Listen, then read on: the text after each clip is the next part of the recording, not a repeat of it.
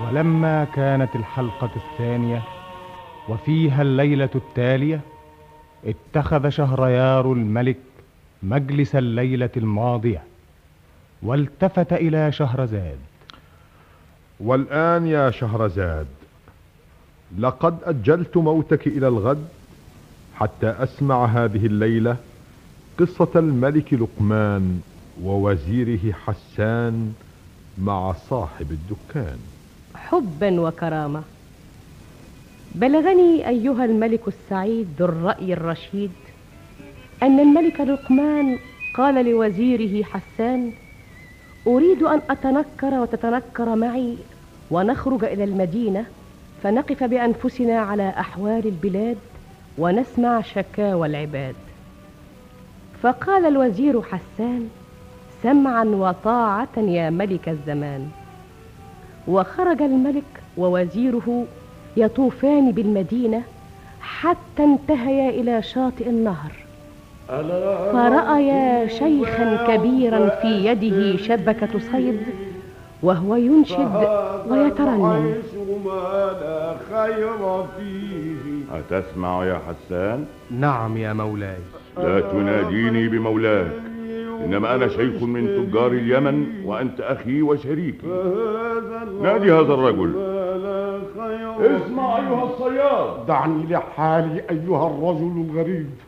إذا كانت لك شكوى فلماذا لا تذهب إلى الملك لقمان؟ الملك لقمان لا جزاه الله بالإحسان. حسبك يا رجل. لا حول ولا قوة إلا بالله. ومما تشكو أيها الرجل؟ يا سيدي أنا رجل صياد. وعندي زوجة وسبعة أولاد. ليس عندهم كسرة خبز يأكلونها وقد جدب الزمان وشحت الأيام. أنا هنا من أول النهار. كلما ألقيت بالشبكة في الماء ترجع إلي فارغة. ماذا أعمل أيها الغريبان؟ طب نفسا أيها الشيخ. بالجوع والحرمان. ألق بشبكتك الآن. ألقها على بختي. وأي شيء يطلع فيها فأنا أشتريه بمئة دينار. لا تسخر مني أيها الغريبان. بل نحن جادان ولأجل أن تصدق. خذ. تلقف أيها الصياد. آه يا يا يا يا إنها صرة فيها مئة دينار. يا من لا ينسى عبده. والآن ارمي الشبكة على بركة الله. يا ما أنت كريم يا كريم. بسم الله الرحمن الرحيم عسى أن يكون حظكما أحسن من حظي هه. هه. هه. ياه إنها ثقيلة ساعداني أيها الغريبان فإنها ثقيلة هات هات يا, يا الله يا إلهي إن في الشبكة صندوقا. صندوق؟ أي شيء فيه يا ترى؟ مطلقا لقد اشتريناه. احمله يا على عاتقي. ياه إنه ثقيل. بارك الله لكما فيه. سلاما أيها الشيخ. في رعاية الله أيها الغريبان. في رعاية الله. والآن يا حسان. مولاي. افتح هذا الصندوق. على بختك أيها الوزير.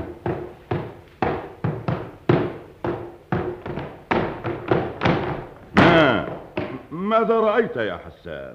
لفافة كبيرة فوقها تفاحتان. تفاحتان؟ انظر أي شيء في اللفافة يا حسان. مولاي. ماذا؟ إنها جثة قتيل. قتيل؟ جريمة تسوقها الأقدار إلى قصري إنها جثة فتاة يا مولاي. حسان لقد كثرت الجرائم في هذا الزمان. هذا إهمالك في رعاية الأمن وحفظ النظام. آه ارفعوا هذا الصندوق من أمامي وأنت أيها الوزير جزاء لك. إذا لم تقدم إلي القاتل في ظرف ثلاثة أيام فأنت مقتول. لقد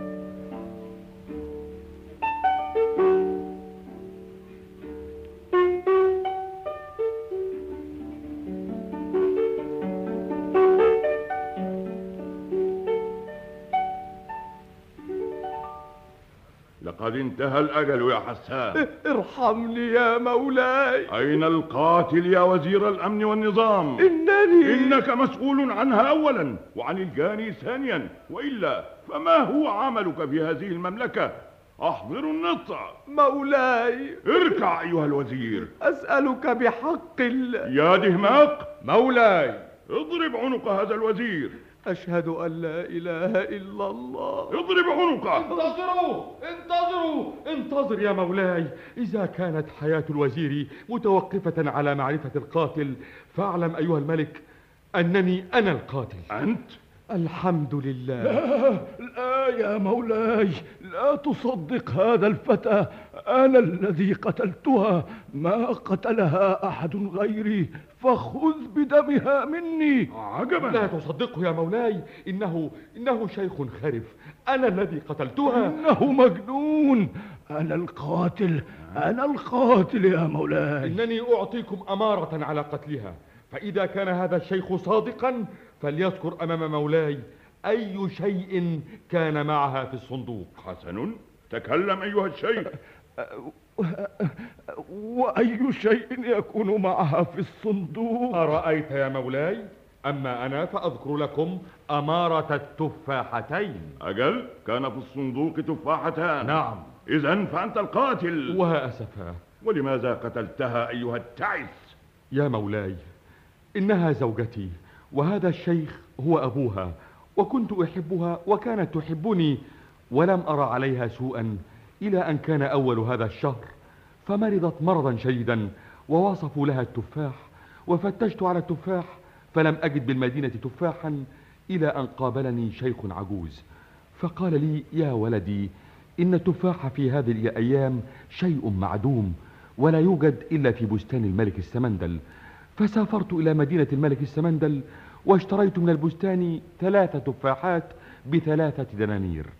ورجعت إلى بيتي فوجدت زوجتي قد عوفيت وعرضت عليها التفاح فعافته نفسها. فتركته إلى جانبها وذهبت إلى دكاني. فلما انتصف النهار دخل علي عبد أسود وبيده تفاحة يلعب بها. فقلت له يا عبد الخير من أين لك هذه التفاحة؟ هذه التفاحة؟ إنها من حبيبتي. حبيبتك؟ نعم كانت مريضة. فلما زرتها وجدت عندها ثلاث تفاحات. وقالت لي إن زوجي سافر من أجل هذه التفاحات إلى بساتين الملك السمندل وأعطتني هذه التفاحة. ويلك يا عبد السوء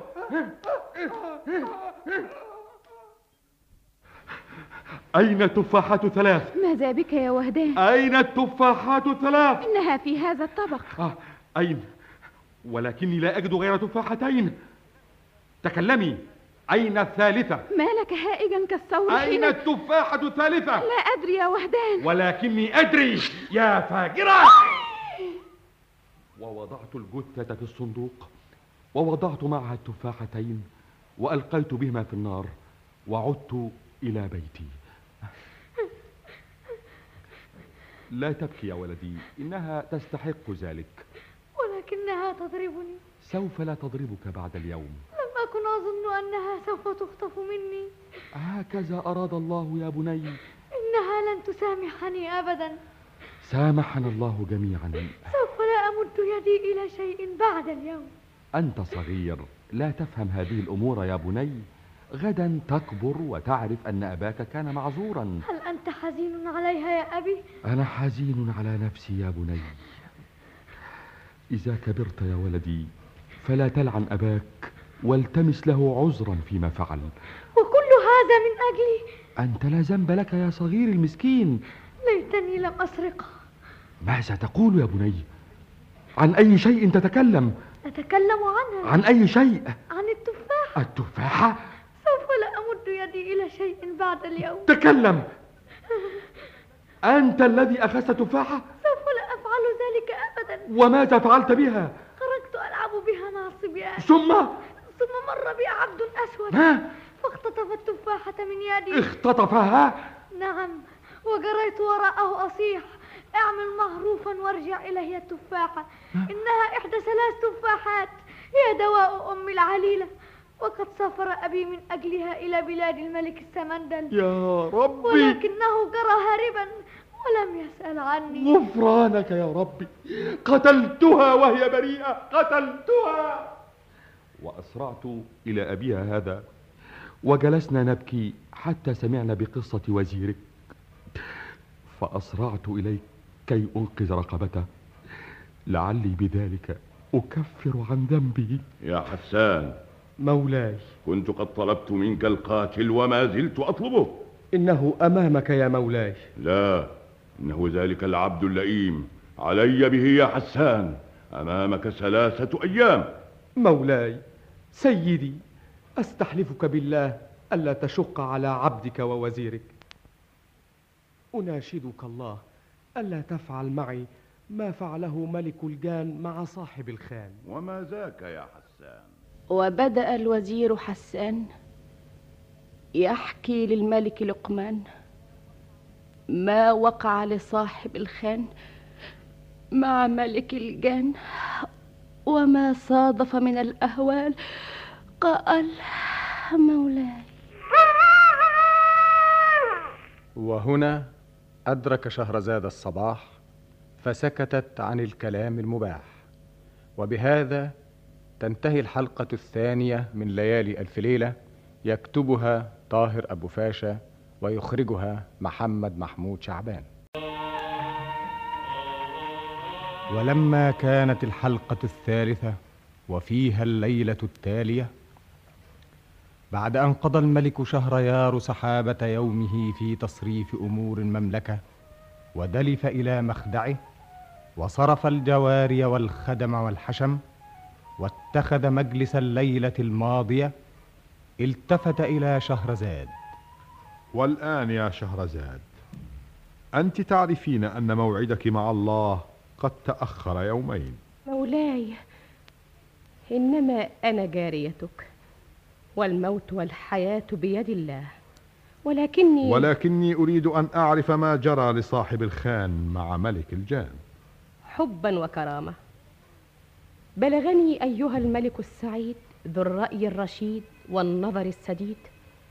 أن الملك لقمان لما سأل وزيره حسان عما جرى لصاحب الخان مع ملك الجان قال له الوزير اعلم يا ملك الزمان أنه كان في الطريق إلى مدينة زازان خان قديم ينزل به المسافرون بين الحين والحين وذات يوم نزل بالخان أمير زازان وبعد أن رحل الأمير إلى حال سبيله وجد في رحيله وجد صاحب الخان سرة تحت السرير مملوءة بالجواهر والدنانير.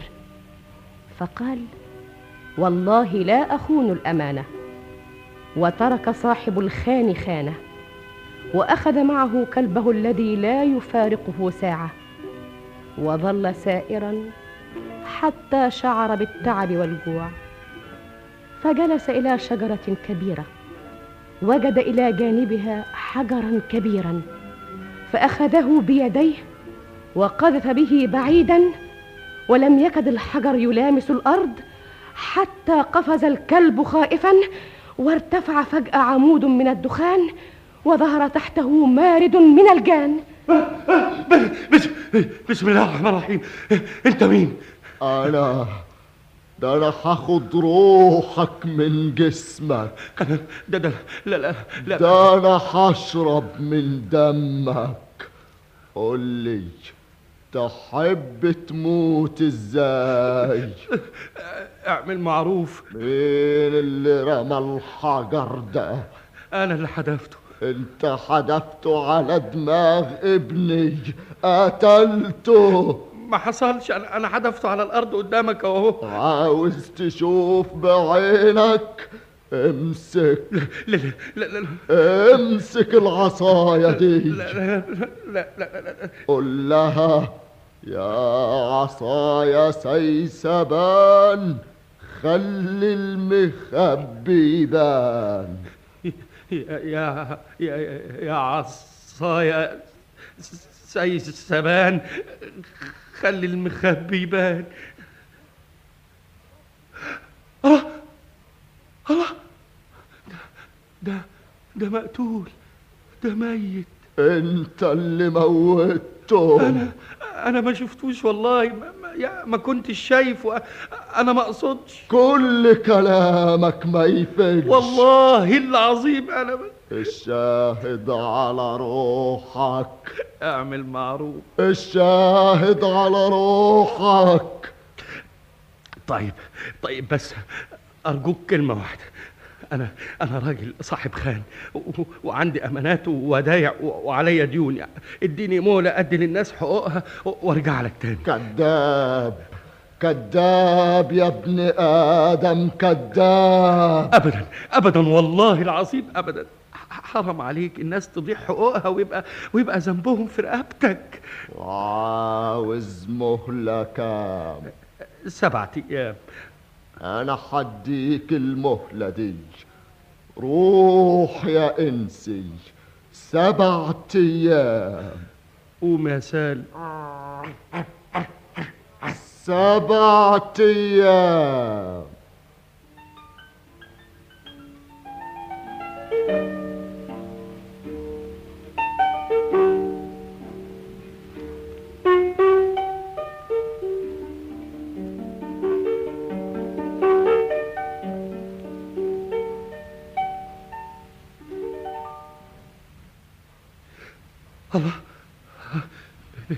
بسم الله الرحمن الرحيم. انت جيت يا إنس في ميعادك ادي وقتك وأوانك. قوم يا إنسي اقتلك زي ما قتلت ابني. قوم. اقتلني زي ما أنت عايز. أنا خلاص حياتي ملك إيديك. وجيت لك برجليا بس بس قبل ما تقتلني تسمع حكايتي مع الكلب ده. وبعد ما أقولها لك اعمل فيا اللي عايز تعمله. ماله الكلب ده؟ الكلب ده مش كلب. مش كلب؟ أمال إيه؟ ده أخويا من لحمي ودمي. أخوك؟ أيوه أخويا. واسمه سالم. مش كده يا سالم؟ شوف شوف بيهزلك دماغه إزاي. بيقول لك أيوه. عجيبة. وبعدين؟ إحنا كنا أخين. سالم اللي هو الكلب ده. اللي هو الكلب ده. وسلام. اللي هو انت. اللي هو أنا. كان ابونا تاجر غني. وعمره ما كان بيحب سالم من شقاوته واخلاقه. كان بيحبني أكتر منه. الله يرحمك يابا ترك لنا ثروة كبيرة واشتركنا أنا وأخويا. وشهر ورا شهر بصيت لقيتنا بنتأخر. قلت له نقسم. وقسمنا اللي فاضل من التركه وخد هو نصيبه وأنا اخدت نصيبي وخدت والدتي معايا. وسنة ورا سنة أنا في الطالع وهو في النازل. وجيت أطلع الحجاز. بعت البضايع وخبيت الفلوس البيت ووصيت والدتي. وغبت 8 اشهر رجعت البلد. أول ما دخلتها لقيت واحدة شحاتة. لله لله يا ابني. ربنا ما يعري لك جسد. ولا يجوع لك كبد حن على المقطوع. لا حول لله لا حول ولا قوة إلا بالله. اتفضلي يا والدتي. إلهي ما تمد إيدك إلهي ما يحوجك الزمان.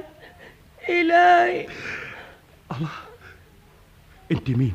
أي سلامة. أمي. سلامة سلامة. إيه اللي جرى إيه اللي جرى قومي. إيه اللي معادك كده يا أما؟ قومي قومي يا أما. هنروح فين يا سلام؟ نروح بيتنا يا أما. ما عادش لينا بيت يا سلام. إيه؟ أما راح فين؟ إيه اللي جرى إيه اللي حصل؟ قوليلي مفيش. أنت سافرت يا ابني من هنا وطب علي أخوك من هنا. لقيته غلبان ما معاش. قعد يبكيلي صوب عليا. اديته تنه يحرب ورايا لما عرف طريق الفلوس وطب عليا في ليلة كان هيموتني وسرق كل الفلوس وهرب. وبعدها بأربع أيام جم ناس يخرجوني من البيت. قلت لهم ده بيتي وبيت ابني. طلعوا لي الحجة. أتاري كان سرق الحجة بتاعت البيت. ومن يوميها أتلطمت في الشوارع.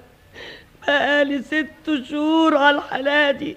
لما شوف بقيت إزاي يا سلامة. ما تعيطيش يا أما أنا أنا عشانك يا سلام. أنت ما تستاهلش كده يا ابني. ربنا ما بينساش حد يا أما آمنت بالله.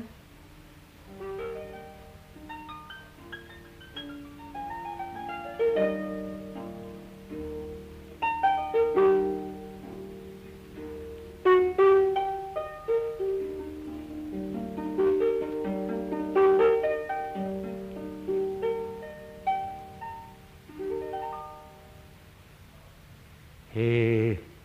إيه رأيك في حياتنا دي يا أما الحمد لله. رضا دي لو زادت عن كده تحمض بس ربنا يديمها نعمة. ناقصك حاجة يا أما اللي ناقصني أعرف أحوالك. أنت ليه مخبي عليا؟ أنت بتعمل إيه في دنياتك أبدا يا أما أنا أنا هقول لك كل حاجة. مم. أنا فتشت كتير على شغل ما لقيتش شغل. قبل ما تخلص الفلوس رحت شاري شبكة. مم. وكل يوم أروح البحر. ربنا يبعت لي من خيره أبيع جزء والجزء التاني أديه للخباز كل ليلة ويديني بتمنه العيش اللي بجيبهولك كده يا سلام. وماله يا آه بعد العز اللي كنا فيه. تعمل صياد يا سلام. بكرة ربنا يفرجها وتبقى عال. سلام آه. الله. مين ده؟ الله الله الراجل وقع على الباب. الله الراجل سورق هاتي القنديل وتعالي يا أما لا حول ولا قوة إلا بالله. الله سالم سالم ما تدخلوش سالم البيت. يا أما ما تدخلوش البيت. ده بيرتعش يا أما يقطع قلبي. شيلي تعالي يا أما شيلي معايا يا أما شيلي شيلي معايا. شوفي شوفي هدومه مقطعة إزاي. ده حافي يا أما حافي. شوفي شعره ودقنه. يقطع قلب أمك يا ابني. اهو أهو هيصحى الحقيني بالكوس. سالم سالم سالم سالم. مين؟ أنا سلام أنا أخوك. قوم يا سالم. فوق أنا أخوك سلام. سلامة سلامة أخويا. هات إيدك أبص ابوز أهو. أنت عملت في نفسك إيه يا سالم؟ ربنا ما باركليش.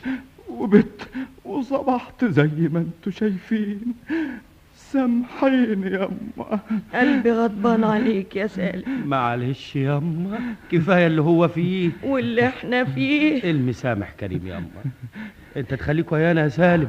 واللي يجرى علينا يجرى عليك ولقمة اتنين تكفي تلاتة. انت قلبك طيب يا سلام.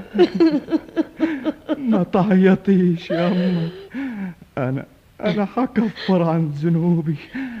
أنا مش ابنك. أنا مش أخوك. أنا العبد بتاعكم. أنا خدام. وبعدين معاك أنت وسالم يا اما الله ده, ده بدل ما نفرح يعني ال- ال- اللي ركب السلامة. بعد بعد اللي عمله يا سلامة. اللي فات مات يا اما إحنا ولاد النهارده. قومي قومي هاتي له ياكل. هل بت ما أنت جعان يا سالم؟ بقالي تلات أيام. ما دقتش الزاد يا سلامة. ده إحنا ده إحنا ما عندناش غموس يا سلام. طب دقيقة واحدة. أنا هخرج أجيب لكم الغاموس وأجي جري اقفلي الباب ورايا ما تغيبش يا سلامة. وعاد الفتى يحمل الإدام ومد أمامهم الطعام وحليت لهم لقمتهم ورضيت معيشتهم وعاشوا أغنياء وهم فقراء. مولاي.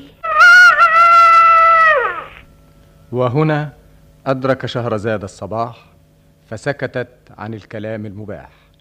وبهذا تنتهي الحلقة الثالثة من ليالي ألف ليلة يكتبها طاهر أبو فاشا ويخرجها محمد محمود شعبان. ولما كانت الحلقة الرابعة وفيها الليلة التالية بعد أن نظر الملك شهريار في الأمور الجارية صعد إلى قصره ودلف إلى مخدعه واتخذ مجلس الليلة الماضية وأقبلت عليه شهرزاد تصل من الحديث ما انقطع وتقص عليه ما وقع. بلغني أيها الملك السعيد ذو الرأي الرشيد أن سالما ظل يعيش في بيت أخيه سلامة فأقام معه طاعما شاربا كاسيا لا يعمل شيئا ولا يجد نفسه في حاجة إلى شيء. وفي كل يوم يذهب سلام إلى البحر وشبكته على كتفه فيعود بها مملوءة بمختلف الأسماك فيبيع نصفه ويشتري بالنصف الآخر خبزة. ومرت الأيام والشهور وهم على هذا الحال إلى أن كان يوم من الأيام خرج فيه سلام إلى البحر كعادته وظل يرمي شباكه في الماء ثم يجذبها فلا يجد بها سمكا. وانصرم النهار ومالت الشمس إلى الغروب فلم يجد مفرا من تسليم أمره إلى الله. ولم شبكته ورجع بها إلى بيته حزينا مهموما يفكر في مصير أمه وأخيه. ورآه صاحب المخبز مقبلا من بعيد فأعد له الخبز كعادته كل يوم. ولكن سلامة مر به ولم يعرج عليه. فأنكر الخباز عليه أمره وأسرع يناديه. الله سلامة يا سلامة. أيوه آه أيوه. أنت ناسي ولا إيه؟ ولا مش عاوز الوجبة بتاعتك النهاردة؟ أيوه مش آه مش هاخدها النهارده. ليه؟ قول لي بقى إحنا لا سمح الله حصل مننا حاجة؟ ابدا ابدا بس يعني مش عايزين النهارده. ليه صايمين؟ يا واد يا عبد المهيمن هات العيش بتاع سلامة من عندك. اتفضل يا سلامة. انت بس يعني أنا عارف كل حاجة. بكرة ربنا يفرجها سلامة. انت بتاخد عيش كل يوم بكام؟ بعشر تنصاص. وادي كمان عشر تنصاص عشان تشتروا منهم اللوازم. انما انت ما تعملش حساب حاجة يا سلامة. سلامة. ازيك النهارده يا أم زيك باقي على الدنيا. قرب افطر معانا يا سلام. معلش يا أم كل انت واخويا بالهنا والعافية. إيه اللي حصل يا سلام؟ معلش ما ملياش نفس النهارده. وامبارح وأول امبارح. لا يا سلامة أنت مش زي عادتك. أنت بقالك أسبوع مساهم وصايم عن الزان. ابدا والله يا أم أنت مخبي عليا يا سلام. إيه الموضوع؟ مفيش يا أم أنا بقالي كام يوم أروح البحر. مم. وكل ما ارمي الشبكة تطلع فاضية. أتنقل من مكان لمكان برضه تطلع فاضية. وأفضل على كده طول النهار زي ما يكون البحر فارغ السمك اللي فيه. وبقالي على الحالة دي أسبوع ومش عارف أعمل إيه. أمال بتجيب العيش ده والفلوس دي منين؟ الراجل الخباز الله يستره لأني ما ما فتش عليه ندهلي وطيب خاطري واداني العيش والفلوس. بس كده يا ابني يا سلامة. قال لا حيلة في الرزق ولا شفاعة في الموت. الرزق يا ابني بإيد الله وبكرة ربنا يفرجها عليك وعلينا. قول انت بتصطاد فين؟ في البحر يا أم. وليه ما تجربش حظك في البحيرة؟ البحيرة؟ فيها إيه؟ لا بس أصليش يعني ما اصطدتش فيها. وماله؟ قال يا ابن آدم إذا الرزق ضاق عليك في مكان فتش عليه في مكان. والله دي كانت غايبة عني. جرب حظك في البحيرة. على بختي أنا يا سلام. خلاص يا أم من بكرة أروح البحيرة. وليه بكرة؟ من النهارده من دلوقت ادعي لي يا أم. قلبي وربي راضي عليك. روح يا سلامة إلهي يجعل لك في كل خطوة سلامة.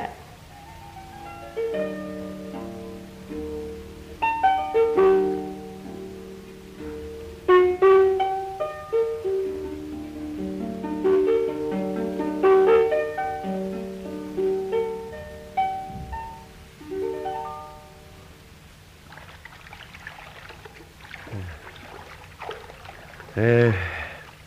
يا فتاح يا عليم يا رزاق يا كريم أصبحت ضيف الله وضيف الله لا يضام ها؟ بسم الله الرحمن الرحيم. لا حول الله. برضه فاضية إيه؟ صيرة صيرة ما تطلعش في الشبكة. وبعدين نرميها تاني. ها؟ بسم الله الرحمن الرحيم. السلام عليكم يا سلامة بن سلام والأم مرزوقة. الله. عليكم السلام يا شيخ المغاربة. هو اسمع يا سلامة بن سلام والأم مرزوقة. طيب بس والأم دخلها إيه؟ قدور يا ولدي قدور. وعليك يبان المقدور. قديش يا ولدي مسرور. ربنا يسر قلبك يا شيخ المغاربة. فك قميصك يا ولدي. أفك القميص؟ قلم القدرة خط بجسمك علامة فوق كتفك الشمال شامة أيوة في وحمة علامة سودة أهي فوق كتفي. مسعود يا ولدي مسعود والله يا سلامة أنت المقصود. مقصود بإيه؟ مطلوب والله مطلوب. مطلوب فين؟ أنت؟ أنت لبشتني كده ليه؟ اسمع يا سلامة بن سلام والأم مرزوقة. ما بلاش حكاية الأم دي. أنا لي عندك خدمة. ما حدا يقدر يقضيها لي غيرك يا ولدي. إذا عاهدتني تقضيها لي بيصيبك خير كتير. إذا كانت حاجة أقدر عليها أنا ما أتأخرش عنك يا شيخ المغاربة أبدا. تقدر عليها يا ولدي وما حدا يقدر عليها غيرك. خلاص أنا تحت أمر بتقسم على كتاب الله. أحلف لك على كتاب ربنا. ما دام حاجة في طاقتي الواحد أنا أنا أنا ما أتأخرش عنك أبدا. قوم يا ولدي. مد يدك في هذا الخرج اللي على ظهر هذه البغلاء. بتلاقي خيط قطان حرير. بسيطة إذا كان على كده. ها؟ عندك يا ولدي. هو ده. هو يا ولدي. تعا يا سلامة تعا قيدني بهالخيط. أأيدك؟ نعم يا ولدي. وبعدين؟ بعد ما تقيدني وتربط يدي وأجري تحملني وترميني في هذه البحيرة. أرميك في البحيرة؟ وبعد ما ترميني تنتظر شوي. إذا ظهرت لك يدي من المي اطرح الشبكة فوقي وشدني للبر. إذا طلعت بعطيك مئة دينار. وإذا ما طلعتش. في هذه الحالة هتظهر لك اجري من المي. تعرف إني مت. تاخد هالبغلة وتروح سوق التجار تسأل عن صايغ يهودي اسمه شميعة. وتسلمه البغلة والخرج يعطيك مئة دينار. انت بتقول إيه يا شيخ المغاربة؟ وتكتم السر يا ولدي ما تبوح بيه الحدث سر إيه يا شيخ المغاربة؟ انت عايز تموت؟ الموت موقوت. طب ما تروح لحد غيري يموتك. اعمل معروف يا ولدي. اعمل معروف انت. انت عايز توديني في داهية؟ والله ما اردت لك غير الخير. يعني عايز اقوم اربطك من ايديك ورجليك وارميك في البحيرة؟ هذا هو المطلوب لا يا عم. افتح الله كفاية اللي أنا فيه. ما تخاف يا ولدي ما تخاف. من خاف سلم. سلامة أنا رجيك ودخليك. واخد عليك عهد الله ما تخون أنا أنا مش فاهم حاجة. بعدين يا ولدي تعرف. بس يعني ده ده, ده كتير.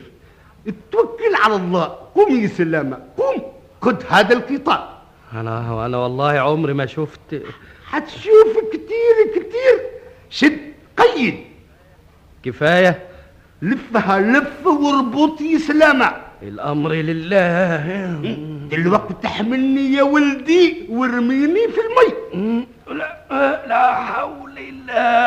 إذا ظهرت يدي من المي أطرح فوق الشبكة واجذبني بسرعة للبر. يع- يعني احدفك قذف يا ولدي. آه، بسم الله الرحمن الرحيم. إيه إيه لا هوب. لا حول الله. لا حول ولا قوة إلا بالله. وأنا وأنا بس كنت بطوع ليه؟ يا ترى يا أبو المغاربة هتظهر إيدك وتطلع سالم ولا ولا هتبان رجلك وتروح في خبر كان؟ الله الله الله الله الله الله. المية بتنشق نصين. يا الله الراجل مغربي أهو. الله. رجله رجله. الراجل مات. لا حول ولا قوة إلا بالله. أنا ذنبي إيه في دي يا ريتني ما كنت طوعته. وأنا هقف هنا أعمل إيه؟ آه كنت هنسى البغلة والخرج. هو قال لي الراجل اليهودي اسمه إيه؟ آه شميع اسمه شميع. أسلمه البغلة والخرج ويديني 100 دينار. ها؟ ده يكون مقلب وي- ويودوني في داهية. أنا أحسن طريقة أخد البغلة والخرج. طب الله. ولما يظبطوني بيه أحسن طريقة أسيبها وأروح لحالي والمية دينار مية دينار يا سلامة أنت مديون. اخدها أسيبها. أبيعها أوديها لشميعة.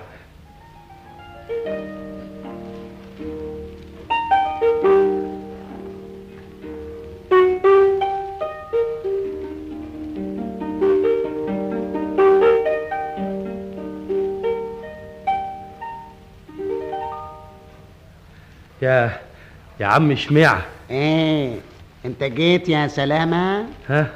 الله مش عرفك أنا عارف كل حاجة. دي نهاية الطمع يا سلامة. يعني هتبلغ لا عني؟ ما, ما, ما تخافش يا سلامة ما تخافش. هات الباقلة هات خد. ادي 100 دينار. اسمع سلامة. اكتم السر. وانطلق سلامة بالدنانير. وهو من الفرح يكاد يطير. ودخل على أمه وأفضى إليها بسره. وعندئذ مولاي.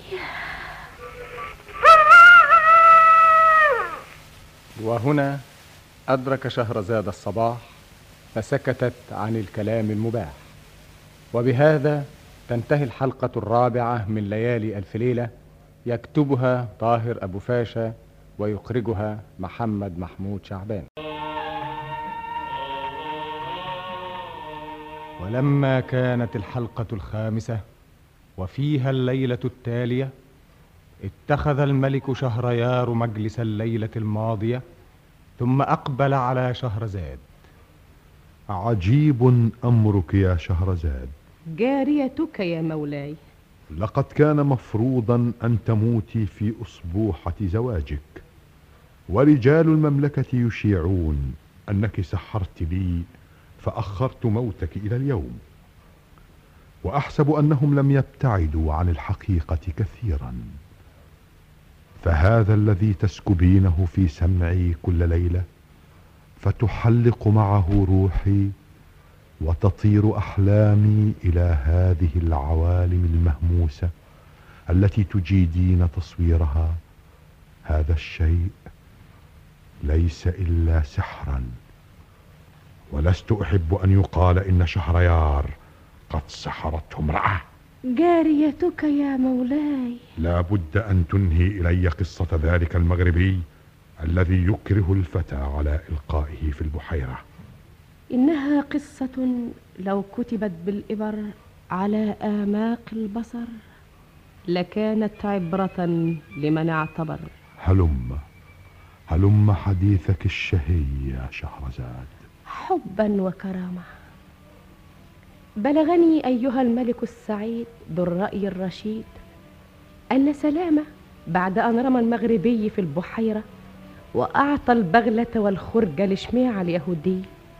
أخذ المئة دينار من اليهودي فسدد ما عليه للخباز واشترى لحما وفاكهة وحلوى. ولما سألته أمه عن مصدرها أخبرها بقصة الرجل المغربي وحدثها حديث اليهودي والمئة دينار وأوصاها بكتمان السر فوعدته خيرا وفرحت كثيرا. وجاء أخوه سالم فاشترك معهم في الطعام والشراب وباتوا في سمر وسهر وحبور وسرور حتى أصبح الصباح فأخذ سلامة شبكته واتجه إلى البحيرة. آه يا فتاح يا عليم يا رزاق يا كريم يا سلام. دي البحيرة النهاردة جميلة خالص. ولا أنا ولا أنا اللي مبسوط. إيه وادي الشبكة إيه. إيه سلام عليكم يا سلامة بن سلام والأم مرزوقة. الله الله الله. ده ده واحد مغربي تاني. والبغلة الشهبة هي هي. والخرج المنقوش هو هو. ليش ما بترد السلام يا سلامة بن سلام والأم مرزوقة؟ أنا مش فاهم حكاية الأم دي لزومها إيه؟ أنت بتسلم ولا هتناسب اسمع يا ولدي انت فات عليك امبارح واحد مغربي راكب بغلة شهبة وعليها خرج مزركش؟ ما حصلش ما شفتوش. وقيدته من يديه واجريه بفرد قطان ورميته في هذه البحيرة؟ ما حصلش. مين شاف؟ وأخذت البغلة والكرش سلمتهم لجميع اليهودي وهناك أعطاك 100 دينار. طب ولما أنت عارف بتسأل ليه؟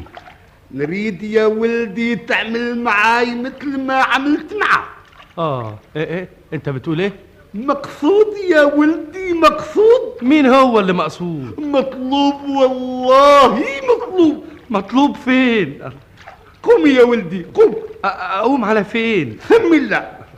ومد إيدك في هذا الخرج وهات القطع أنتوا عايزين تودونا في داهية ولا إيه بس؟ ما نريد غير الخير يا هي, ولدي. هي إيه الحكاية؟ دخليك يا ولدي راجيك يا ولدي قيدني يا ولدي. يا ناس اعملوا معروف إحنا على باب الله. بيصيبك خير كتير. إن الله الغني مش عايز. اسمع يا سلامة بن سلاح والأم مرزوقة. آه، نعم يا سيدي أسمع إيه؟ إذا ما قيدتنيش في الوقت والساعة ورمتني في هذه البحيرة أنا حخبر عنك إنك قتلت أخوي. ويرضيك يا شيخ المغاربة. وشهد عليك اليهود شميعة وأنا عملت فيه كده بخاطري مش هو اللي غصب عليا. شوف لك طريق. آه بعدين يا ناس بقى مش كده؟ حرام حرام والله. قوم يا ولدي قوم. لا حول الله يا رب. شد يا ولدي اربط. يا اخوانا بلاش بلاش يا اخوانا احملني يا ولدي. اعمل معروف يا شيخ المغاربة. اقذف يا ولدي. أمري إلى الله. إلى هوب ها؟ اما أما أشوف حي ايده ولا ولا هتبان رجله. الحكاية دي والله العظيم. أنا عارف دول بيعملوا كده ليه لكن كنت أعمل إيه؟ ده, ده, ده هددني. أنا لو كنت أعرف إن- إن الأولاني هيموت ما كنتش الميه المية بتنشق نصين. الله الله الراجل رجله رجله لا حول ولا قوة إلا بالله. الراجل راح. أعمل إيه سلمت أمري لك يا رب. يلا يلا يا بغلة ال- العشر على اليهودي. ما حد شاهد عليا إلا أنت. الحمد لله إن الحوان أخرس. يلا على شميعة حاط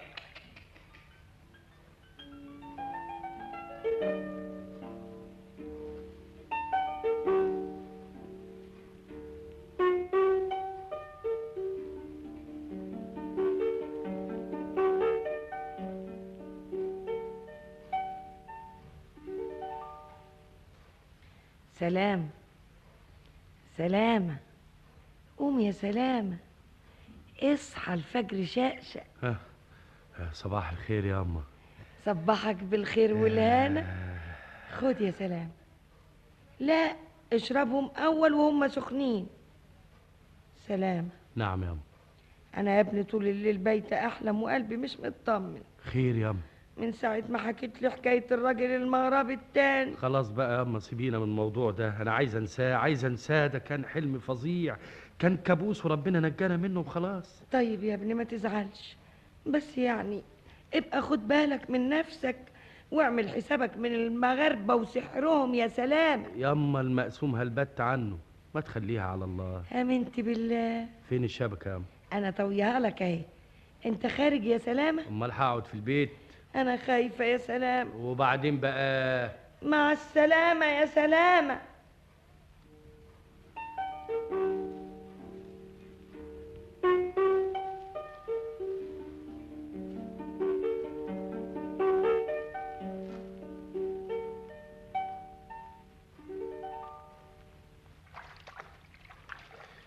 آه يا فتاح يا عليم يا رزاق يا كريم. البحيرة النهاردة زي الحصيرة. ما شاء الله. إيه؟ هذه الشبكة. إيه. السلام عليكم يا سلامة بن سلام والأم مرزوقة. بسم الله الرحمن الرحيم. ده واحد تالت. هي الدنيا بتشتي مغاربة ولا إيه؟ ليش ما بترد السلام يا سلامة بن سلام والعم مرزوقة؟ حاجة تطير العقل. الله. ت- ت- تعالى يا شيخ المغاربة. اللي عندك رجع. عارف عارف قرب فين القيطان بتقيد عجلي. أيوه أيوه. مش حضرتك عايز تغرق؟ وتحملني وتقذفني. استنى أمال. هات أيوه هات إيدك كده. أهو. أه كده. آه آه بس أمال خلينا نربط كويس. إذا بانت يدي. لا مش هتبان. وإذا بانت عجلي. يبقى الله يرحمك يا شيخ. مم، أيوه. كويس. اللهم صبرك على ما بلاك. ها؟ يا يا ده- انت تقيل قوي يا شيخ المغاربة المرة دي. ها؟ نشوف وشك بخير. هي لا. لا أنا ههاجر. ما كنتش أعمل صياد. ما أقدرش كل يوم أموت لي واحد. أما أقوم أودي البغلة دي شميعه وأقبض ال 100 دينار. اخوان الناس جرى لعقلها إيه؟ الناس اتجنت ولا أنا أنا اللي اتجننت. ها؟ المية انشقت. ها؟ الراجل الراجل إيده بانت؟ فين الشبكة؟ الشبكه الشبكه. أيوه هرمي لك الشبكه أهو أهو أهو. بسم الله الرحمن الرحيم. امسك امسك امسك. ها، امسك. اكذب ياوي أهو استنى استنى استنى استنى استنى استنى. هات إيدك هات إيدك هات إيدك. هو هو هو أحمدك يا رب. أشكرك يا رب. سلامة. قديش متشكر يا ولدي قديش ممنون يا ولدي. قول لي الأول إيه إيه إيه السمكتين الحمر اللي أنت ماسكهم دول؟ دول يا ولدي اللي عليهم تبكي العين ومن من شانهم ماتي إخواتي تنتين. أه، أه، ولا أنا فاهم حاجة. هما يا ولدي رصد مرصود وطلسم ما يقدر عليه سواك موجود. أه، لا برضه مانيش فاهم. بعدين يا ولدي تعرف كل شيء. قم يا سلامة بن سلام والأم مرزوقة. مد إيدك في هذا الخرج وسم الله بتلاقي علبتين فاضيين قوم يا سلامة قوم. ها بسم الله الرحمن الرحيم. فين؟ عندك في الخرج. آه آه دول يا شيخ المغاربة. هم يا ولدي. تعال يا ولدي. افتح هادي وسم الله. بسم الله الرحمن الرحيم. عليها وحكم غطاها يا ولدي هو هو السمك بيتحط في علب يا شيخ المغاربة. افتح العلبة الثانية وسمي بالله. بسم الله الرحمن الرحيم. غطي عليها واحكم غطاها يا ولدي عمري ما شفت حد يحط السمك في علب إلا أنت. خلاص. إيه هو اللي خلاص؟ الحمد لله. اسمع أنا مش سايبك إلا إذا كنت تحكي لي حكاية الاتنين المغاربة بتوع إمبارح وأول دول اللي غرقوا وحكاية البغلة دي والراجل اليهودي وأنت والسمكتين دول إيه؟ إيه حكايتكم؟ اقعد يا ولدي احكي لك. وعليك عهد الله مذبوح بالسر. علي عهد الله مبوح بالسر. اسمع يا ولدي العجب. أكتر من اللي شفته. وإيش يكون اللي شفته يا ولدي؟ طيب اتفضل. هو بدأ الشيخ المغربي يقص على الفتى قصته ويحكي له حكايته ويفسر له لغز الشيخين المغربيين ويكشف له سر هاتين السمكتين الحمراوين. قال له ال- مولاي. وهنا أدرك شهرزاد الصباح فسكتت عن الكلام المباح. وبهذا تنتهي الحلقة الخامسة من ليالي ألف ليلة يكتبها طاهر أبو فاشا ويخرجها محمد محمود شعبان. ولما كانت الحلقة التاسعة وفيها الليلة التالية اتخذ الملك شهريار مجلس الليلة الماضية.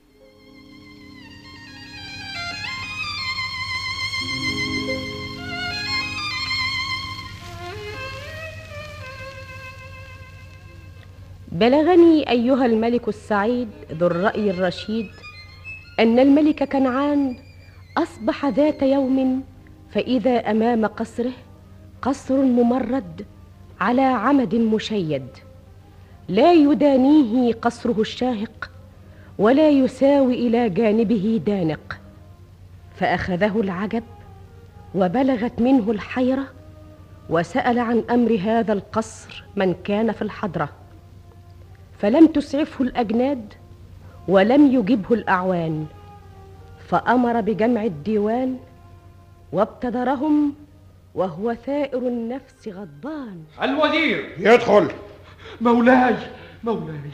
مولاي! قوم قوم انهض على رجليك!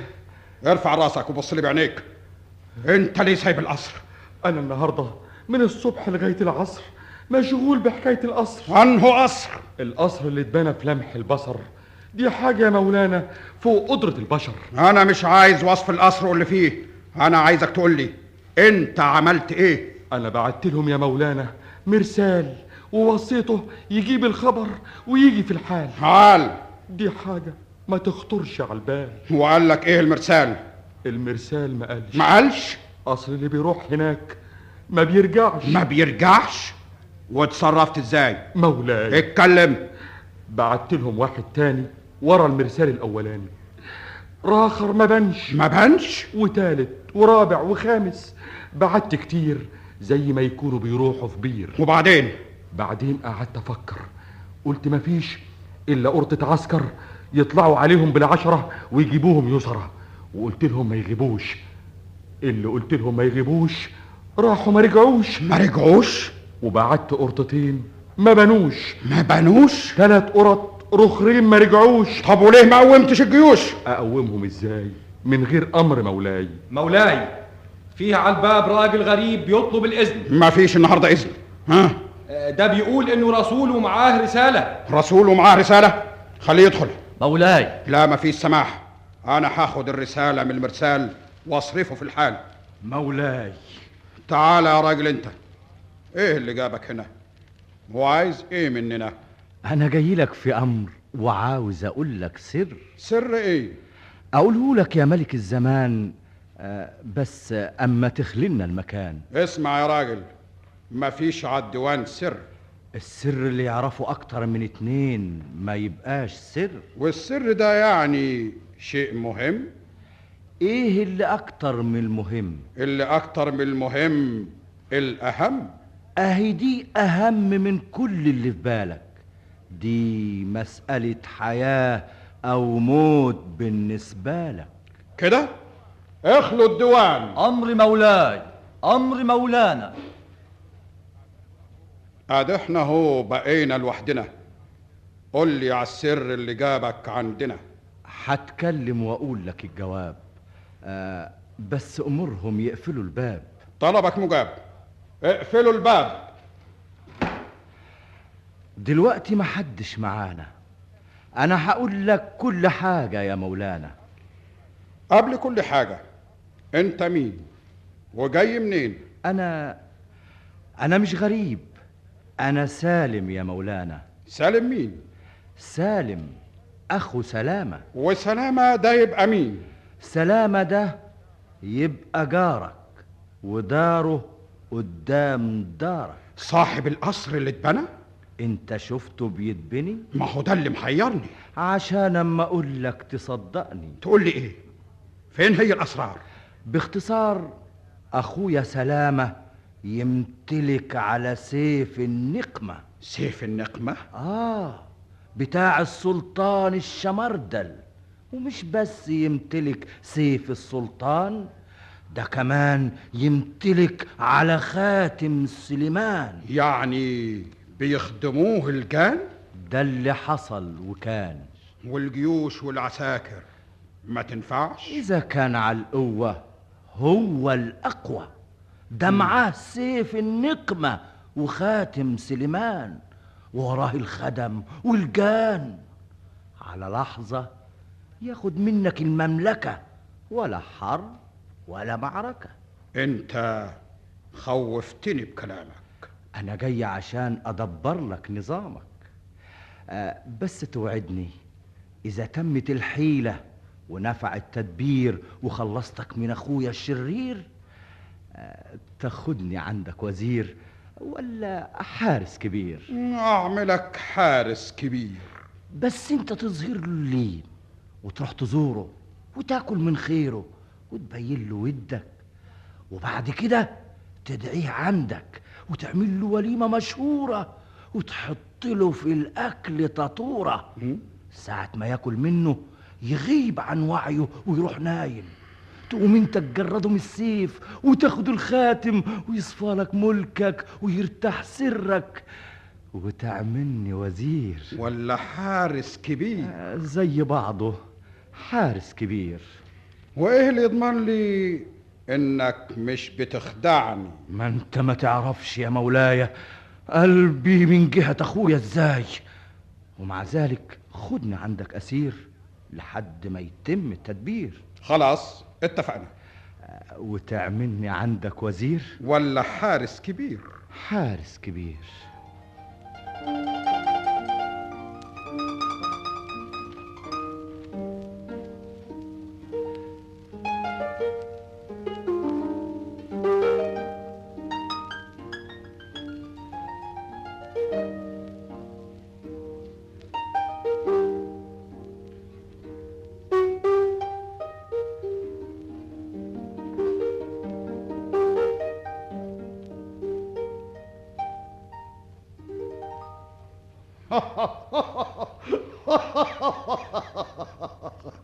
يا سلام.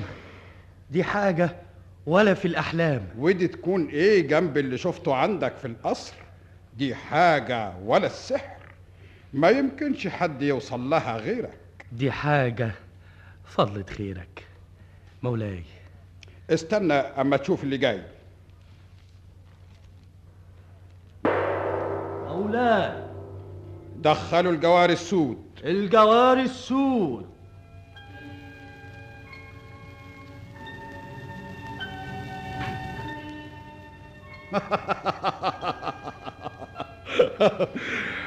كل كل من الطبق ده يا سلامة ده اسمه الفالوذج.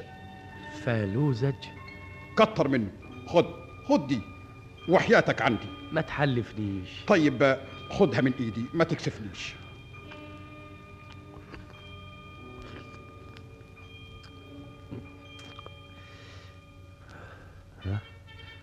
مش مش عارف أنا.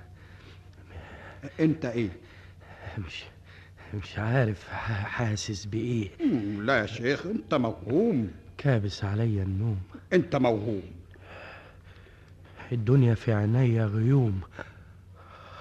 الله الله. أنا مسموم أنا مسموم أنا مسموم. يلا يا مولانا هو دلوقتي نايم. مد إيدك خد منه السيف. واسحب من صباعه الخاتم. أيوه أيوه. فك السيف. أنتوا والخاتم. أيوه والخاتم.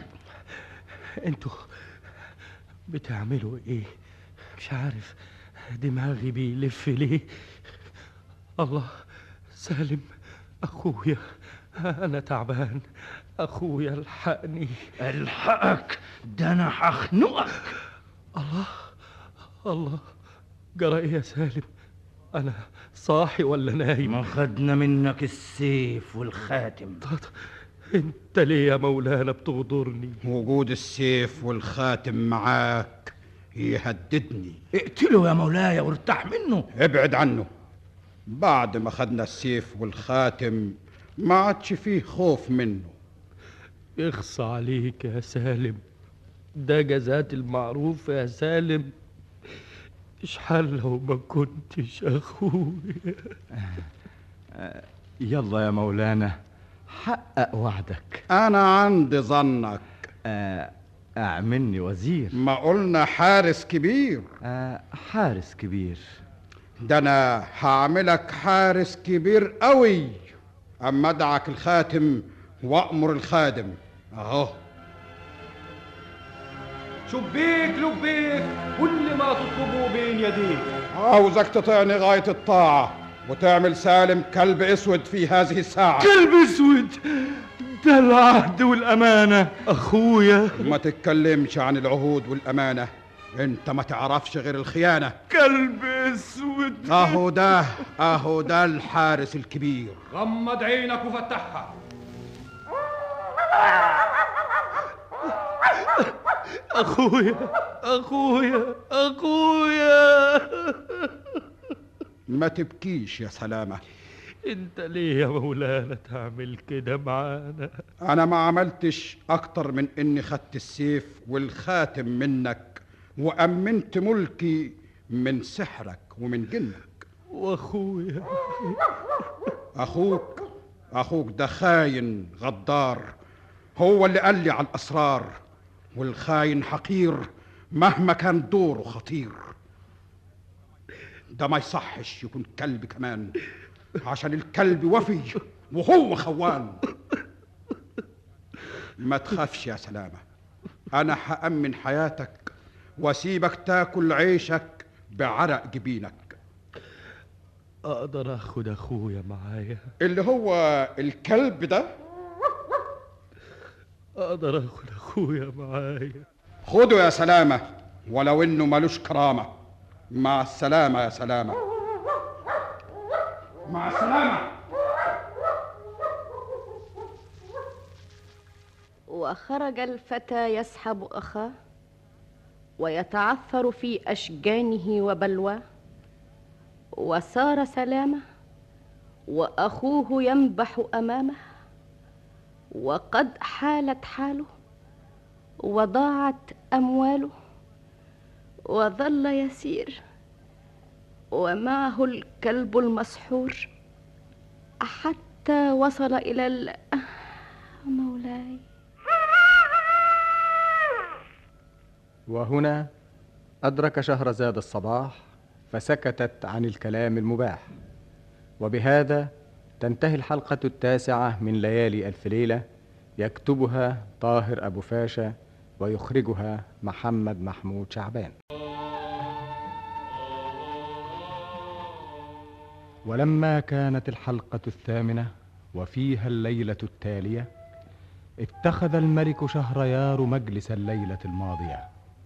وقد عبق المخدع بالبخور والند والكافور وأقبلت شهرزاد في خطو خفيف وثوب شفيف فقبلت الأرض بين يديه وجلست إليه وجعلت تقص عليه.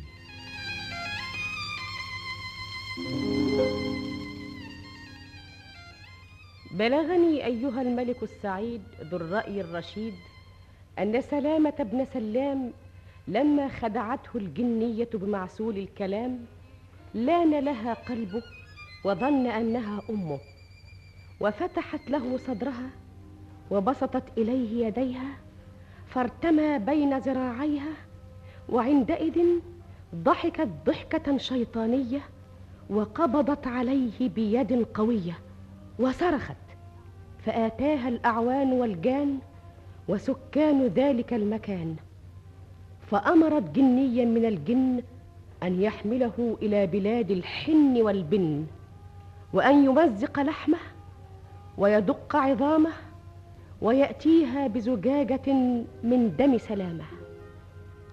وما زال سلامة يندب حظه ويرثيه ويبكي على مصير أمه وأخيه. حتى رق له قلب الجني فحمله إلى مخيم مغربي. فأخذ يزحف حتى دخل عليه. فقام الشيخ إليه وحل يديه ورجليه وسأله عما حصل وعن أسباب هذا الفشل. وأقام سلامة عند المغربي معززا مكرما حتى مر العام ودارت الأيام وجاء اليوم الموعود وحل الأجل المحدود. فخرج الشيخ المغربي إلى الصحراء ونصب خيمته الحمراء وصف الوسائد ورص المساند وأشعل النار وحضر التمائم وأطلق البخور ووضع العزائم. بسم الله ومن الله بحق النار ورب النار. صعفص قرشت حرشت برشت فاشن باشن نسف غواشن هيا هيا. ردوا عليا مرحب مرحب. سلطان سنجب ملك النار ملك النار. وعن الدم بلوري الدم لفتي هيا هيا. أيوه مين اللي بيخبط على أبواب الكنوز من غير ما أنا أنا سلامة ابن سلام صاحب هذه الكنوز وحافظ حل الرموز. سلامة. سلامة مات من العام اللي فات. سلامة قدامك وبيسمع كلامك. سلامة مات يا راجل وعظامه بقت مكاحل. افتح أيها الخادم. انتظر. أنا قادم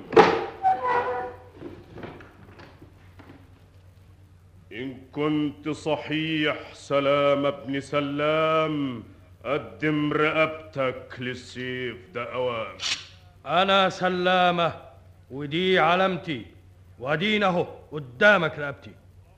هضربك بالسيف. اضرب. دافع عن نفسك.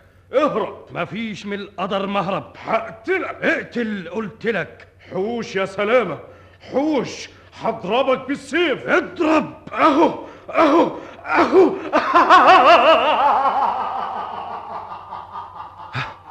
اختفى. أدي واحد. وأدي باب. لسه الباب التاني. الدهب الوصية. ها؟ الباب التاني. وأدي التلات حلقات. أما خبط تلات خبطات.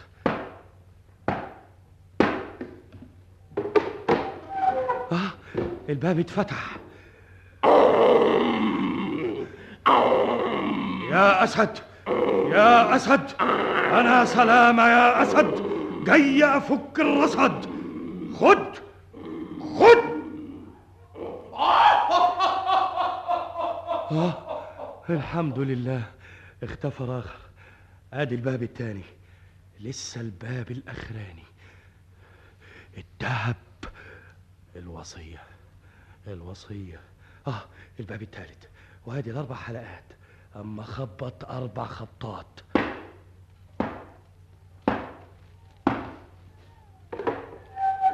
سلامة. أيوه سلامة. ابني حبيبي يا ابني. ابعدي عني. لا أنا ابنك ولا انت أمي. ليه يا سلام؟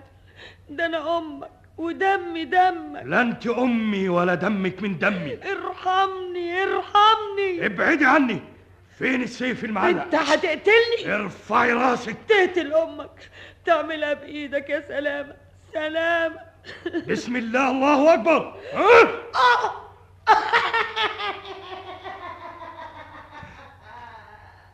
الحمد لله. الحمد لله. ربنا خلصنا منها ومن شرها. ودلوقت الطلاسم وحلينا سرها والرموز وعرفنا أمرها. أما أقوم أفتح باب الكنز وأخش على الغنى والعز. ها. ها. يا ده إيه ده كله دهب جواهر دهب إحنا مالنا ومال الدهب والجواهر. إحنا في سيف السلطان وفي خاتم سليمان. ادي ادي المقصورة والستارة المسحورة اللي قال لي عليها وفوقها الستارة اللي حلاقيها أما شد الستارة. ها؟ السلطان الشمردل نايم. أمد إيدي اخد منه السيف. الحمد لله. اما قلعوا الخاتم. بسم الله الرحمن الرحيم. الخاتم. خاتم سليمان. خاتم سليمان. الفص فوق تراب اما انضفه أخليه يلمع.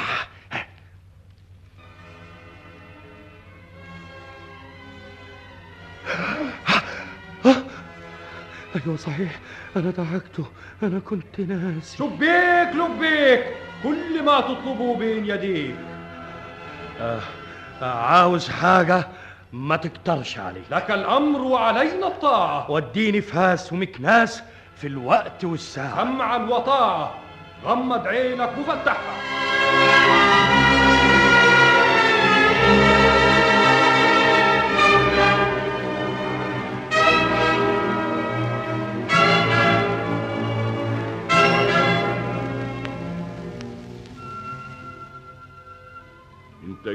يا سلامة. أنت مين؟ أنا الكاهن الكهين. الكاهن الكهين؟ وبقالي ثلاث شهور في انتظارك. عبد الصمد قال لي أخبارك. أ- أمال فين الشيخ عبد الصمد كاهن الكهان؟ عبد الصمد مات من زمان. من زمان؟ أنا لسه فايته ما بقالي ساعتين. أنت بقالك سنتين. إيه؟ انت بتقول الحقيقة؟ بالساعة والدقيقة. ولا فات عليا ليل ولا مر عليا نهار. دي كلها أسرار. اسمع يا ابني عبد الصمد قبل ما يموت أمني واداني أمانة أقدمها لك يا سلامة. اتفضل. إيه ده؟ كتاب زاد المسافر وقبلة الحائر. الكتاب اللي تركه لهم أبوهم واللي علشانه غرق عبد الموجود وعبد المعبود. وصاني عبد الصمد أقدمه لك ووصاني أفهمك إيه سيف السلطان وإيه خاتم سليمان. يا سلامة هنيت بما أعطيت. أنت يا ابني تملك سيف النقمة وتملك خادم الخاتم ما تستعملهمش إلا في الخير ولا تضرش بيهم الغير. إن شاء الله. خلاص يا ابني. في سلامة الله. شبيك لبيك كل ما تطلبه بين يديك. عايز حاجة ما تقدرش عليك. عايز عايزك توديني الآن إلى أرض كنعان في الوقت والساعة. سمعا وطاعة غمض عينك وفتحها.